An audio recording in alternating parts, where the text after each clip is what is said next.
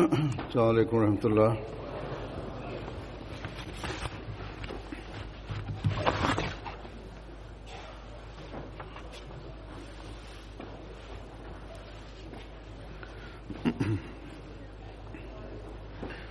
أشهد أن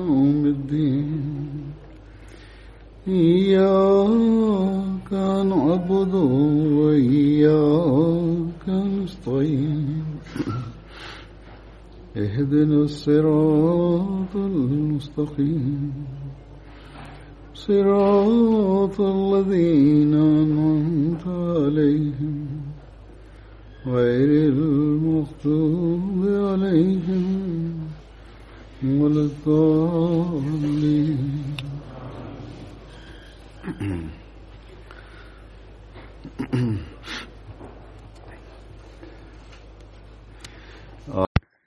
Bismillahirrahmanirrahim. Hvala uzvišenom Allahu. Danas počinje Jalsa Salana u Francuskoj.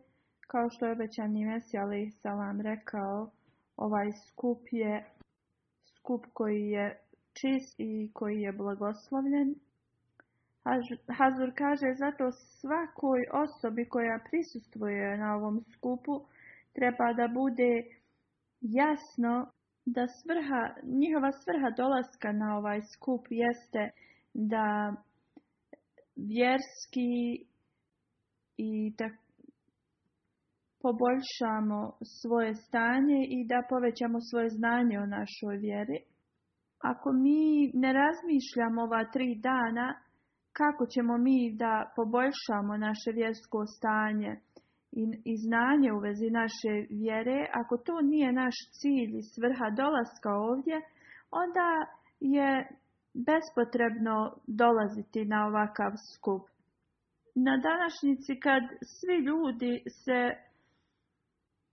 odmiču od Boga i iz svake religije ljudi sve više i više zaostaju u religiji i kada vidimo ove brke koje statistički pokazuju koliko ljudi sve više i više ne vjeruje da uopšte Bog postoji Također i neki musani su ubrojani u ovu statistiku. Stanje muslimanskog umeta nam govori isto tako, da su oni više muslimani samo po njihovom imenu i da su oni fokusirani i bazirani samo na ovo svjetski, ovo svjetski život. Ako na današnjici i mi koji smo potvrdili da i posvjedočili da je ima Mahdi, obećani Mesa, došao, ako smo mi povjerovali u onoga koji je predskazan od časnog poslanika, salallahu ve veselem, ako smo mi njega prihvatili i dali svoj, svoju zakletvu i obećanje ovoj zajednici, onda mi moramo da ispunimo misiju obećanog Mesija i Salama.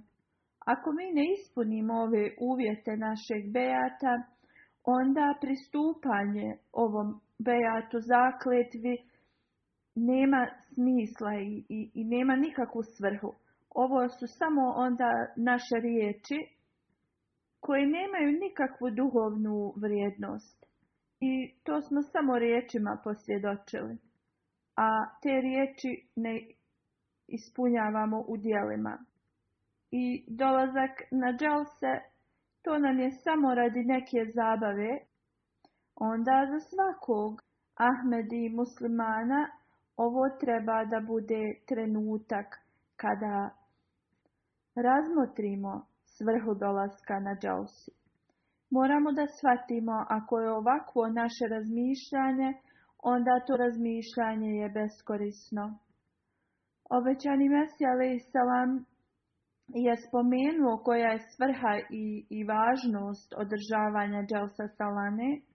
Ako mi razmišljamo o njima i ako analiziramo sebe, ne samo da ćemo da ispunimo svrhu ova tri dana i ne samo da ćemo biti primaoci tih molitvi koje je uputio obećani Mesija salam u vezi prisutnih na džalsama, mi ćemo da budemo u stanju da budemo primaoci svega ovoga. Ali poslije toga moramo da napravimo ovo da bude uvijek dio našeg života.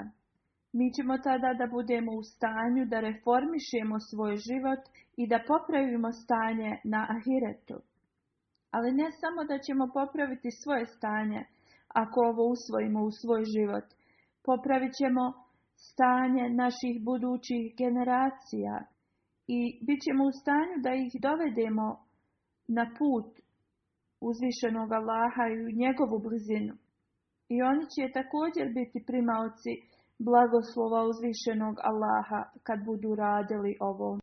Dok svijet se udaljava sve dalje i dalje od uzvišenog Allaha, naša potomstva trebaju da se približavaju sve bliže i bliže. I oni trebaju da budu ti koji će dovesti čovječanstvo bliže uzvišenom gospodaru. Da bi ispili ove uvjete Bejata i da bi sačuvali svoja buduća potomstva, onda mi moramo da ispunimo svrhu, Džalsa Salane. Ova tri dana trebaju da budu provedena sa ovim ciljem i da uvijek obećamo sebi da što na, sve što naučimo na ova tri dana, da će to postati dio našeg svakodnevnog života. Obećani Mesija Ali Salam govori naš cilj i naše razmišljanje treba da bude u tom smjeru da budemo zabrinuti u vezi budućeg svijeta i u vezi ahireta.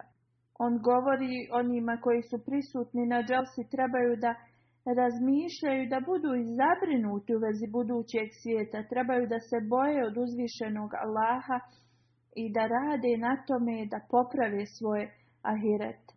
Bogobojaznost uvijek mora da bude u njihovim srcima. Trebaju da, postaju, da postanu da imaju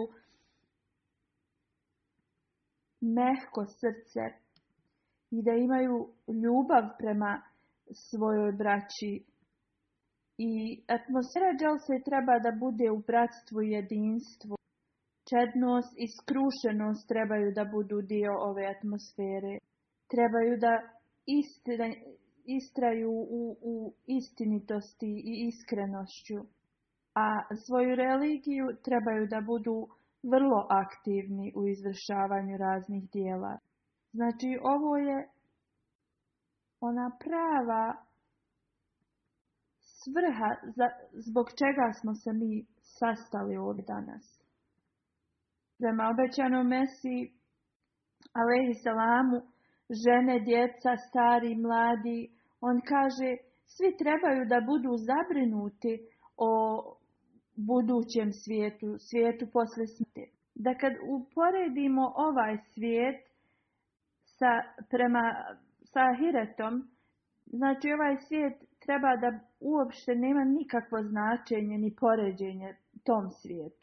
Da opstajemo i živimo u ovom materialnom svijetu, veliki je izazov za sve nas, veliki je to teret i da bi opstali mi moramo da, da vodimo džihad protiv e, na ovom svijetu. Znači da bi imali brigu za ahiret, da bi, da bi postigli to mi moramo da konstantno imamo neki, neke poteškoće i trud taj i moramo vrsto da vjerujemo uzvišenog Allaha i moramo da vjerujemo da je ovaj život vrlo kratak. Da neki će živjeti 80, 90, pa najviše do stotinu godina, ali ni to nam nije zagarantovano. Mnogi ljudi preminu i prije, mnogo ranije prije ovih godina. A onaj život koji počinje posle naše smrti, to je vječni život. Mudra osoba je ona koja žrtvuje ovaj kratki život za onaj koji je vječan. A vidimo da mnogi rade suprotno.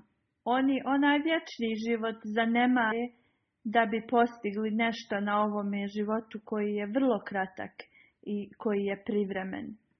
I ti ljudi, oni misle da su oni najmudriji i najpametniji. Mumin, pravi vjernik, radi totalno drugačije od ovoga. I to i trebaju da rade i moraju to da rade. Jedino tada će biti pravi i iskreni vjernici.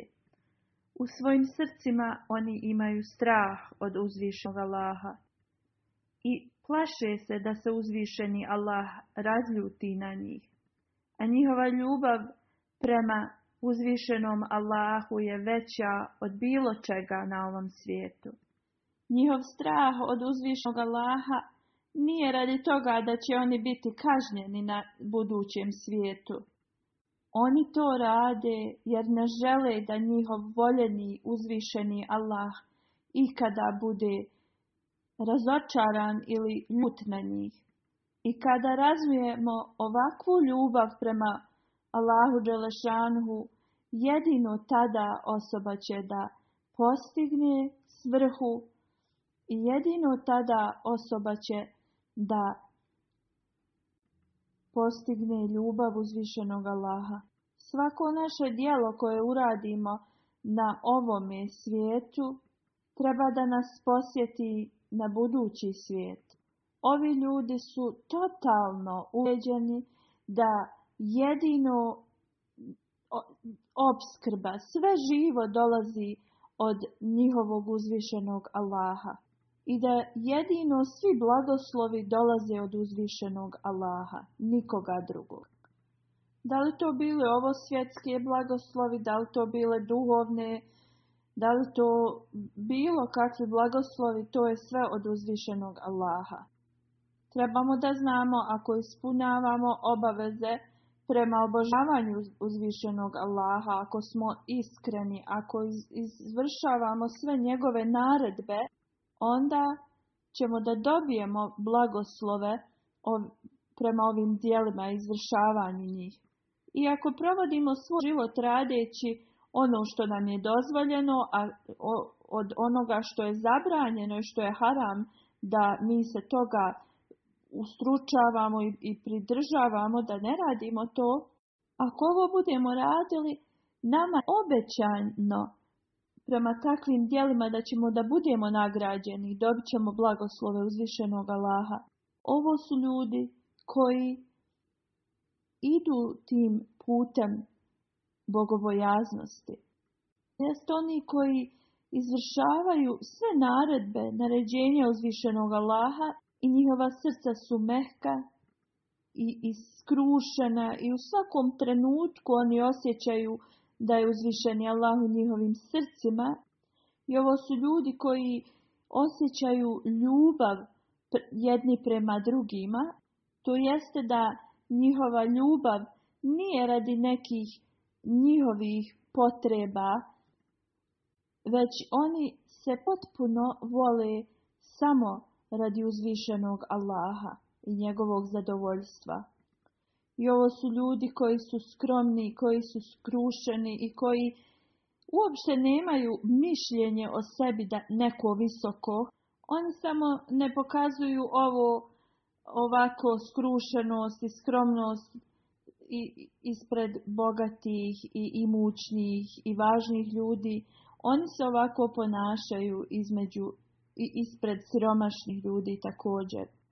I ovo su ljudi koji su iskreni i koji praktikuju iskrenost u svakom trenutku. I oni uvijek govore direktno i iskreno, jer taj govor nas vodi direktno uzvišenom Allahu. Ovo su ljudi koji uvijek praktikuju bogobojaznost, ovo su ljudi koji uvijek rade naporno za svoju religiju. Mi možemo da vidimo u nekim ulemama koji su vrlo aktivni što se tiče religije i tako dalje, ali iznutra oni nemaju tu bogobojaznost i rade razne stvari koje su protiv religije. Oni nemaju potpunu bogobojaznost i oni se ne boje uzvišenog Allaha. Oni se trude također za ovo svjetske koristi, Znači oni nemaju pravo ono duhovno stanje koje je potrebno za vjernike, koje je obećani Mesija Salam želi da uspostavi kod nas, da mi uvijek imamo u sebi onu pravu svrhu vjernika i uvijek moramo sebe da analiziramo i, i, i da razmislimo koja je svrha našeg dolaska na dželsu. Mi moramo da stvorimo u sebi, ako nismo na tom standardu, da obećamo sebi da sljedeći put, da ćemo dati sve od sebe da, da pratimo standarde i svrhu džavse. Da li smo spremni da damo obećanje da više od ovo svjetskih stvari, mi ćemo da budemo više zabrinuti u vezi života posle smrti. Mi ćemo da budemo primjeri da drugi će da govore ovo su ahmedi i muslimani koji su uvijek primjer istinitosti. I oni nekada zbog toga imaju velike poteškoće, ali i dalje nastavljaju. U vezi vjere i, i službe vjere mi ćemo da budemo istrajni. Istrajnost koja će da također bude primjer drugima. koja će da bude više nego ikad prije. Mi ćemo da širimo vjeru uzvišenog Allaha između sebe i okolo nas, svima ćemo da kažemo šta je istinski islam, onaj pravi islam. Ako ovo budemo radili, onda ćemo u istinu da ispunimo uvjete našeg bejata kojeg smo dali, naše zakletve. Onda trebamo svi zajedno da ovo obećamo, da ćemo da radimo, naporno za onaj budući svijet. te osobe će da obrate veliku pažnju na svoje namaze, na svoje obožavanja. Uzvišen je rekao, ja nisam stvorio ljude i džine osim da mene obožavaju. Obećani Mesija, ali ovaj ajet je preveo ovako. Da ja sam stvorio ljude i džine da bi me prepoznali i da bi me obožavali. On kaže prema ovom ajetu prava svrha čovjeka jeste da obožava uzvišenog Allaha i da ga u potpunosti prepozna i razumi i da se potpuno preda uzvišenom Allahu. On kaže ako pogledamo na ovo svjetske ljude, oni ne znaju u stvari koja je svrha njihovog života. Iako oni svi stave neke ove ciljeve i svrhe. Ali tu nije to. Osoba niti dolazi na ovaj svijet svojom odredbom, niti će da napusti ovaj svijet sa svojom odredbom. Znači, mi smo stvoreni i naš stvoritelj nam je dao najbolji kapacitet razumijevanje izvan svih ostalih stvorenja. Mi imamo svrhu našeg života, da li to osoba shvatila ili ne, ali svrha je stvorena uz nas. I bez ikakve sumnje prava svrha stvaranja čovjeka jeste da obožava uzvišenog Allaha, da prepozna uzvišenog Allaha i da se izgubi u ljubavi toj, ogromnoj ljubavi prema svom gospodaru, da se potpuno preda u toj ljubavi. Da bi ispunili ovu svrhu, uzvišeni Allah nas je podučio metode kako da to postignemo, a to je naš namaz. Uzvišeni Allah nas je podučio tome. Uzvišeni Allah u časnom Koranu kaže zaista obavljanje namaza za vjernika jeste da ga obavi u određenom propisnom vremenu. I vjernik je obavezan da to obavlja, obavlja svoje namaze u propisno vrijeme. Hazur kaže, klanjanje namaza u svoje vrijeme je nešto vrlo, vrlo dragocjeno i drago meni. Ovo je nešto što je toliko u mom srcu i nešto što ja volim puno. To jeste da kada je Allah propisao da se klanjaju ovi namazi, da ih mi klanjamo. Ali šta vidimo na današnjici, da na najmanji razlog, nešto najbeskorisnije, mi propustimo namaz. I ljudi uopšte ne daju pažnju ovome. Ma, I da zaboravimo to propisano tačno vrijeme namaza. Neki ljudi uopšte ne klanjaju svoje namaze. Umjesto pet dnevnih namaza neki klanjaju četiri, tri dva, neki ni jedan i vrlo su lijeni u ovome.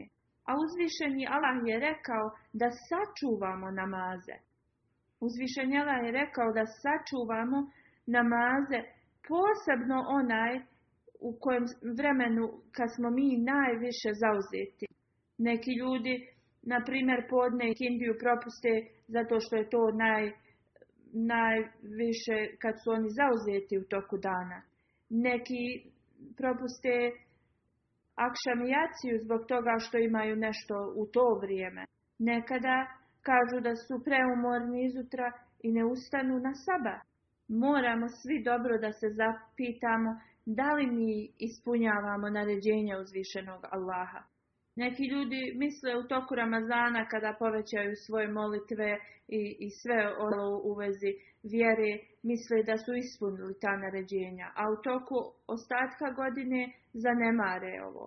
Ovo im ne donosi nikakvu razliku. Zapamtite i shvatite i dobro naučite šta uzvišeni Allah i njegov poslanik sallallahu alejhi ve kažu u vezi važnosti namaza. Oni kažu da džamije su napunjene onim ljudima koji vjeruju u Allah i njegovog poslanika i onaj budući svijet koji će da dođe.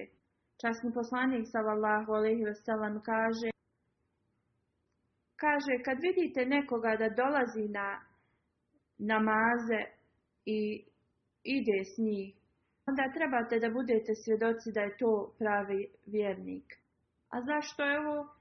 Zbog toga što je uzvišen Allah rekao, samo oni koji iskreno vjeruju u uzvišenog Allaha, oni dolaze i pune džamije, a oni su također ti koji vjeruju u onaj budući svijet, u ahiret. Mi svi kažemo da smo vjernici, ali iskreni vjernici u očima Uzvišeno laha i prema časnom poslaniku sallallahu alejhi ve sellem su oni koji često posjećuju džamije i koji ih pune jer oni iskreno vjeruju u Allaha i ahiret i u sudnji dan. I nije samo da je dovoljno da dolazite u džamiju, ali morate imati potpuno vjerovanje u budući svijet i u sudnji dan i da klanjate skrušeno svoje namaze. I osobe koje su potpuno božne, oni nikada neće učiniti da naprave bilo kakav nered u džamiji. I oni neće biti ti koji klanjaju, a taj namaz će biti uzrok njihovog, njihove propasti. Umjesto da svojim namazima postignu zadovoljstvo uzvišenog Allaha, Takvi vjernici dobiju propast, ti koji nisu požni i iskreni u svojim namazima. Znači, iskreni i pravi vjernici imaju potpunu bogobojaznost i oni u potpunosti vjeruju da će budući svijet da dođe poslije smrti. Njihova srca su mehka, puna ljubavi prema svojoj braći. Oni šire vjeru drugim ljudima, oni također u svojim džamijama, svi, u njihovim džamijama svi ljudi se osjećaju bezvjedno. Zato uzvišen Allah je spomenuo da boravimo u onim džamijama čiji je temelj postavljen s pobožnošću, a ne u onim džamijama koje su napravljene samo da se neki neredi rade. Oni ljudi koji često posjećuju džamije koji su puni pobožnosti, to su ti ljudi koji ispunjavaju naređenja uzvišenog Allaha i svoju dužnost prema čovječanstvu. To su ljudi kojima je časni poslanik sallallahu alejhi ve dao radosne vijesti da na sudnjem danu uzvišeni Allah će upitati svoje meleke Pogledajte u namaze ovih ljudi, to jeste da li su oni obavljali svoje namaze ili ne. I ako pođu to, onda njihova knjiga dobrih dijela će biti puna i bit će spašeni. A oni ljudi koji imaju nedostatak ovih obaveznih namaza, uzvišeni Allah će upitati da li su oni klanjali na file da im namirimo od tih namaza. Vidite kako je to lijepo. Znači, ako ima nedostatak obaveznih redovnih e, dnevnih namaza koje smo trebali da klanjamo, Allah Đelešanu će ubrati one na file koje smo, da, koje smo klanjali. Ovdje uzvišeni Allah spominje i obraća se kao moje sluge. Ovo je rečeno na ovaj način zato što su ti ljudi koji su pokušavali radili sve od sebe da služe i da pokažu tu poslušnost uzvišenom Allahu i da ispune naredbu prema namazima. Ali ipak, pošto smo mi ljudska bića i ne možemo uvijek da imamo isti stepen e, predanosti i tako dalje, uzvišeni Allah nam je olakšao Uzvišen je Allah i svoje velike milosti prema nama i, i želje da nam oprosti. Olakšao nam je tako što će da namiri naše obavezne farz molitve sa nafilama. I vidite iz ovoga ljudi koji klanjaju ove namaze koji nisu farz, znači nafile, to su ljudi koji su bogobojazni prema svome gospodaru. I znači, pošto se na file klanjaju sami, klanjate u svojim domovima ili uglavnom to je nešto što, što to vi sami radite. To su ti vjernici koji imaju veliku ljubav i bojaznost prema svome gospodaru. I za ovakve ljude, za ovakve vjernike uzvišenjala je naglasio, to su moje sluge što znači moje sluge nekad e, učine neku grešku, ali oni to neće nastaviti non stop da rade i ovo što oni rade da bi popravili svoje greške klanjaju ove file. I znači mi moramo da po, popravimo i damo svu pažnju svojim dnevnim farz namazima ali također uzvišen je Allah nam je dao e, ovu milost da klanjamo ove na file koje kada mi nešto zgriješimo ili tako nešto slično, Allah te nafile učini kao da smo mi klanjali te farz, naše farz namaze. Allah kaže ja ću da vas ogrnem svojim oprostom i nama je data ova radosna vijest o oprostu ali u, isto vrijeme da dobijemo ove blagoslove uzvišenog Allaha, Allah nam je ukazao na to da trebamo da klanjamo na file, znači dobrovoljne namaze i to su iskreni i pravi vjernici i njihova srca su mehka i puna ljubavi prema drugim ljudima.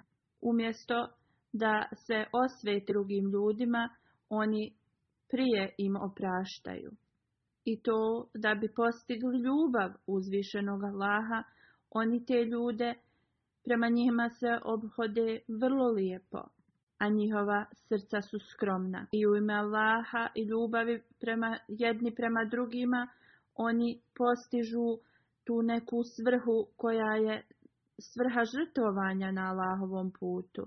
A svi mi moramo da se analiziramo i da promijenimo i da shvatimo šta trebamo da mijenjamo. Moramo da analiziramo da li smo mi iskreni ljudi koji obožavaju i klanjaju prema propisima. Da li mi radimo dobra djela iz pobožnosti, da li imamo ljubav prema svojoj braći. Ako to ne posjedujemo, onda nismo pravi vjernici, nismo oni pravi pobožni ljudi. Trebamo dobro da bude zabrinuti ako u našim srcima nemamo milost prema drugima, ako u, našim, u našoj kući naša djeca i supruga nisu zadovoljni s nama. Također žene koje ne izvršavaju dužnosti prema svojim muževima trebaju da budu zabrinute. I ako one zahtijevaju od svojih muževa neke stvari koje su nepotrebne, dobro trebaju da se zapitaju da li je to u redu. To će i zaustaviti da budu pobožni. Oni ljudi koji u ime Allaha rade dobra djela, ponašaju se dobro prema drugima. Ovo su pobožni ljudi. Časni poslanik sallallahu alejhi ve sellem je spomenuo da uzvišeni Allah na sudnjem danu će da kaže gdje su oni ljudi koji su radi moje veličine i moje dobrote i u moje ime voljeli jedni druge. A osim mog rada ne postoji drugi hlad i zaštita na ovom danu. Ja ću da im dam moju zaštitu u mom hladu. I oni ljudi koji radi narađenja uzvišenog Allaha vole jedni druge. Ovakvi ljudi su ti koji će da dobiju milost i blagoslove uzvišenog Allaha. A oni ljudi koji ovo ne rade, oni će dobiti ili će izazvati na sebi Božje nezadovoljstvo ili Božju kaznu. Znači, ovaj duh treba da svi posjedujemo. Mi uvijek dižemo slogane, izgovaramo i ljubav svakome, mržnja nikome. Ovo Ovaj slog moramo prvo okrenuti od svojih porodica i, i ispunjavati ga. I onda da ovaj slogan mi možemo da širimo dalje izvan naših porodica. I znači sa malim trudom mi lahko možemo da dođemo u hlad uzvišenog Allaha i njegovu zaštitu. Časni poslanik sallallahu alejhi ve sellem nam mnogo Mnogo puta da bi uspostavio mir u društvu, mnogo puta on je rekao musliman je brat drugog muslimana. I također musliman koji ispuni nešto prema svom bratu muslimanu, uzvišen je Allah njemu to nadoknadi. A osoba koja otkloni nekupnju od druge osobe, uzvišen je Allah će njemu otkloniti patnju. Također neko ko sakruje nešto, nečiju bruku, nešto što nije lijepo o toj osobi, uzvišen Allah na sudnjem danu će sakriti njegovo to loše djelo. Uzvišeni Allah nam uvijek na razne načine pokazuje njegovu milost i oprost i blagoslove prema nama. A neki ljudi koji su sebični i koji imaju ego oni onda izazovu ovo Allahovo nezadovoljstvo sami na sebi. I onda na nama je da se stvarno preispitamo i da, da uvijek pokušavamo da radimo dobra djela i da se analiziramo zašto smo došli na ovu džalsu, šta da slušamo na njoj. I također koliko je važno da mi obratimo pažnju prema našim namazima, također je važno da mi obratimo pažnju prema našim dužnostima, prema svim ostalim Allahovim stvorenjima. Znači, saosjećanje, ljubav, skromnost, to treba da bude vidljivo u nama i da mi budemo svjesni ovih dobrih osobina. A posebno nama ovo treba da bude važno zato što smo mi ti ljudi koji smo dali bejat, zakletvu obećanu Mesija i Salamu. Da nikada ne prepisujemo druga uzvišenom Allahu, da pazimo svoje namaze, da klanjamo također na file. I također u ovom bejatu, u ovoj zakletvi mi smo dali obećanje da ćemo da štitimo sve ljude, posebno muslimane, ali sve ljude, Znači ovo trebamo da krenemo od naših porodica, muslimana, ali svi u drugih, znači svake osobe u svijetu. Trebamo da imamo osjećaj ljubavi i, i samilosti prema svima. Sebičnost i ljutna mi to trebamo potpuno da izbacimo. Oni koji rade sa vama ili za koje ste vi zaduženi, vaši radnici ili bilo ko, vaše ponašanje prema njima treba da bude primjer dobrote i visokog standarda. Trebamo uvijek da se zapitamo da li mi praktikujemo ono što govorimo. I ako je ovo što mi radimo i ako neko provjeri nas, primjer radi, i oni kažu to je zaista oni kako govore, oni to i praktikuju, onda mi možemo reći da smo mi ispravni vjernici. I da mi izvršavamo uvjete našeg bejata, naše zakletve.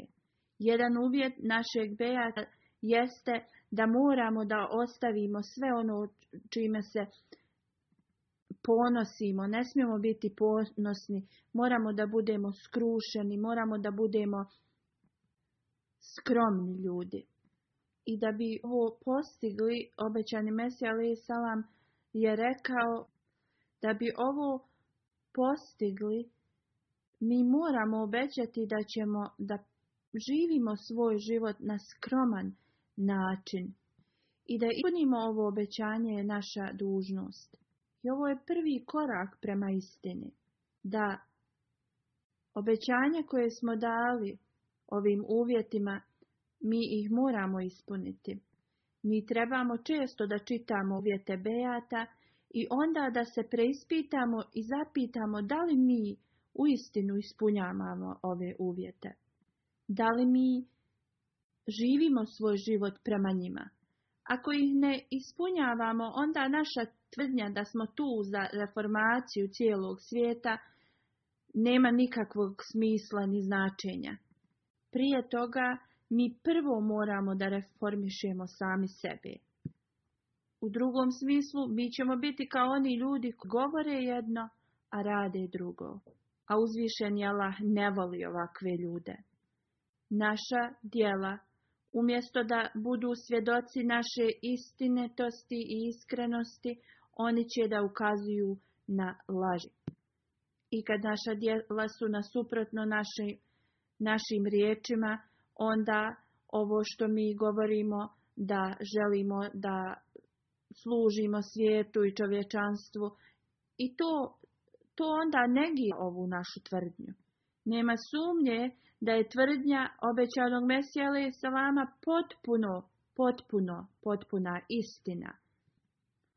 Uzvišeni Allah mu je obećao veliki uspjeh i u to nema sumnje u to obećanje da će on dobiti za zajednicu pobožnih ljudi. Ali ako naše stanje nije takvo, onda mi nećemo biti ubrojani u te pobožne ljude. Ti ljudi koji su pomoćnici Ahmedijata, onda da bi dobili blagoslove Bejata vaše zakletve, morate da analizirate svoje stanje. Morate razmisliti koja je svrha dželse. I je da mi imamo tri dana dželse i tri dana možemo da razmišljamo u vezi ovih stvari. U ova tri dana svi morate da analizirate sami sebe. Umjesto da pričate i tračate, vi analizirajte sebe. Idite na namaze redovno. Molite Allaha za oprost i učite salavate na časnog poslanika salallahu alaihi veselem. Jedino tada možemo da imamo koristi od ovih dana. Obećani Mesija alaih salam kaže obraćam se cijelom svom džamatu i želim da dobro poslušaju ovaj savjet. Vi koji ste ušli u moju zajednicu i vi koji imate vezu sa mnom, vi trebate da postignete visoke standarde pobožnosti, a da stojite što dalje od svega onoga što nije dozvoljeno, od svake nepravde i pobune. I ovo je, kad to radite, u istinu pobožnost. Nikakva slabost ili nešto ne treba se nađe u vama, u vašem karakteru. Trebate da budete regularni u pet dnevnih namaza i trebate da ih klanjate u džamatu pet puta dnevno. Trebate da se klonite što dalje svake laži i vi nikada ne bi trebali da učinite nešto loše nekome i nikada ne bi trebali da uradite nešto što nije halal. I neke loše stvari vam ne trebaju ni u vašu um da uđu. Ukratko, svaka vrsta grijeha treba da bude što dalje od vas. I znači, ni svjesno, ni nesvjesno ni, ne bi trebali to da uradite ništa što je protiv vjerskog učenja i trebate da budete što dalje od bilo čega što nije dozvoljeno u vjeri. Kao ego, kao sebičnost. Treba, vaša srca trebaju da budu pobožna srca. I apsolutno nikada ne trebate neko zlo nanijeti u bilo kom smilu drugoj osobi i moji sledbenici će biti vrlo skromni, skrušeni i oni prave, prave sluge Allahove sa čistim srcima koja nikada neće uraditi nešto što je griješno. Znači u njihovim životima neće postojati nikakva zloba, a, bić, a oni će da pomažu cijelom čovječanstvu i ta pomoć će da bude kao čovječanstvu kao njihov princip života. Oni će da se boje uzvišenog Allaha i njihovo srce, ruke, njihov, njihov govor, sve će da bude čisto i nikada neće prevariti nikoga i njihove molitve će biti regularne u propisanom vremenu. Oni će da se drže što dalje bilo kakve nepravde, bilo kakve prevare ili nešto da bi bilo čega što bi nešto utjecalo loše na drugu osobu. Svima će dati njihova prava i izvršavat će svoje dužnosti pred njima. Nikada neće svjedočiti ni radi bilo čega neispravno, lažno. Oni će da se klone što dalje lošeg društva. Nikada nemojte sjediti u lošem društvu.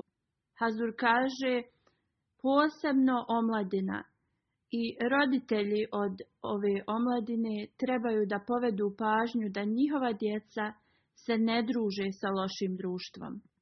Nasuprotno, njihova djeca će postati kao to loše društvo.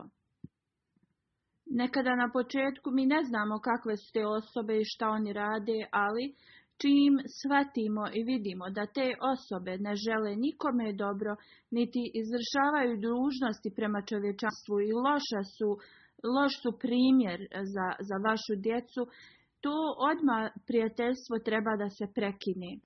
Društvo svake, svakog Ahmedi člana treba da bude do društva, a da se drže što dalje od opasnih osoba i vaše misli nikada ne bi trebale da budu da vi učinite nešto loše nekome. Ni kroz vaše, ni da pomislite znači. Da li to bili muslimani, da li to bilo ko iz bilo koje nacije, mi ne možemo ni u mislima da im poželimo ili pomislimo nešto loše. I dajte savjete svima, ali iskrene savjete. Ali to znači da, da vaše riječi i vaša dijela su uvijek u skladu i tako to će biti najviša s drugima kad oni vide iz vaših riječi, a također vaših dijela te savjete. I ljudi koji vole da rade loše stvari ili nepravdu i koji, su, koji nisu na pravom putu. Takvi ljudi ne trebaju da budu u vašem društvu, ni na vašim vjenčanjima, ni, na, u vašim kućama. Znači, trebate da se držite što dalje od njih. Jer takvi ljudi mogu da postanu prepreka u vašem duhovnom napreku i u vašem životu inače. Obećani Mesija kaže svaki član moje zajednice mora da, da radi ove, po, po uvjetima njegovog bejata. U vašim sastancima ne treba da se nađe nikakva vrsta ružnog govora ili smijavanja ili prevelikog šale, neprikladnih šala se skromnim i iskrenim srcom trebate da hodite po ovoj zemlji. I nikada nemojte da napadnete nekoga bez razloga. I smanjite i kontrolišite svoju, svoju ljutnju i kad god razgovarate, razgovarajte vrlo kontrolisano i, i vrlo kulturno na lijep način i častan način. Ako je neko arogantan i ako je neko potiče da, da se vi naljutite ili, ili nešto u, u tom smislu, vi toj osobi nazovite salam i napustite takva društva i sastanke. Uzvišen je Allah želi da napravi ovu zajednicu da bude primjer drugima, primjer dobrote i iskrenosti i radi ove dobrote i pobožnosti trebate uvijek da ostanete oprezni i iskreno postanete pravi pobožni vjernici. Vjernici koji su iskreni, koji su pravedni, koji klanjaju svoje namaze, vi ćete tad biti prepoznati. Vi ćete biti prepoznati po tome da ste vi ljudi koji klanjate pet dnevnih namaza u džamatu i vi ćete biti prepoznati kao vrlo iskreni ljudi. Ako su ove stvari tu, onda ste vi postigli svoj cilj i ispunili ste svoje uvjete bejata. Ali ako osoba ima imalo loših karakteristika, onda ne ispunjava ove uvjete. Da nam uzvišnji Allah pomogne da ispunimo naš bejat i ove uvjete bejata i uvjete naše vjere i da dobijemo najveće koristi od ove džalse i da se naše vjersko, naše duhovno stanje popravi i da sve ove dobre stvari nastavimo da praktikujemo u svakodnevnici.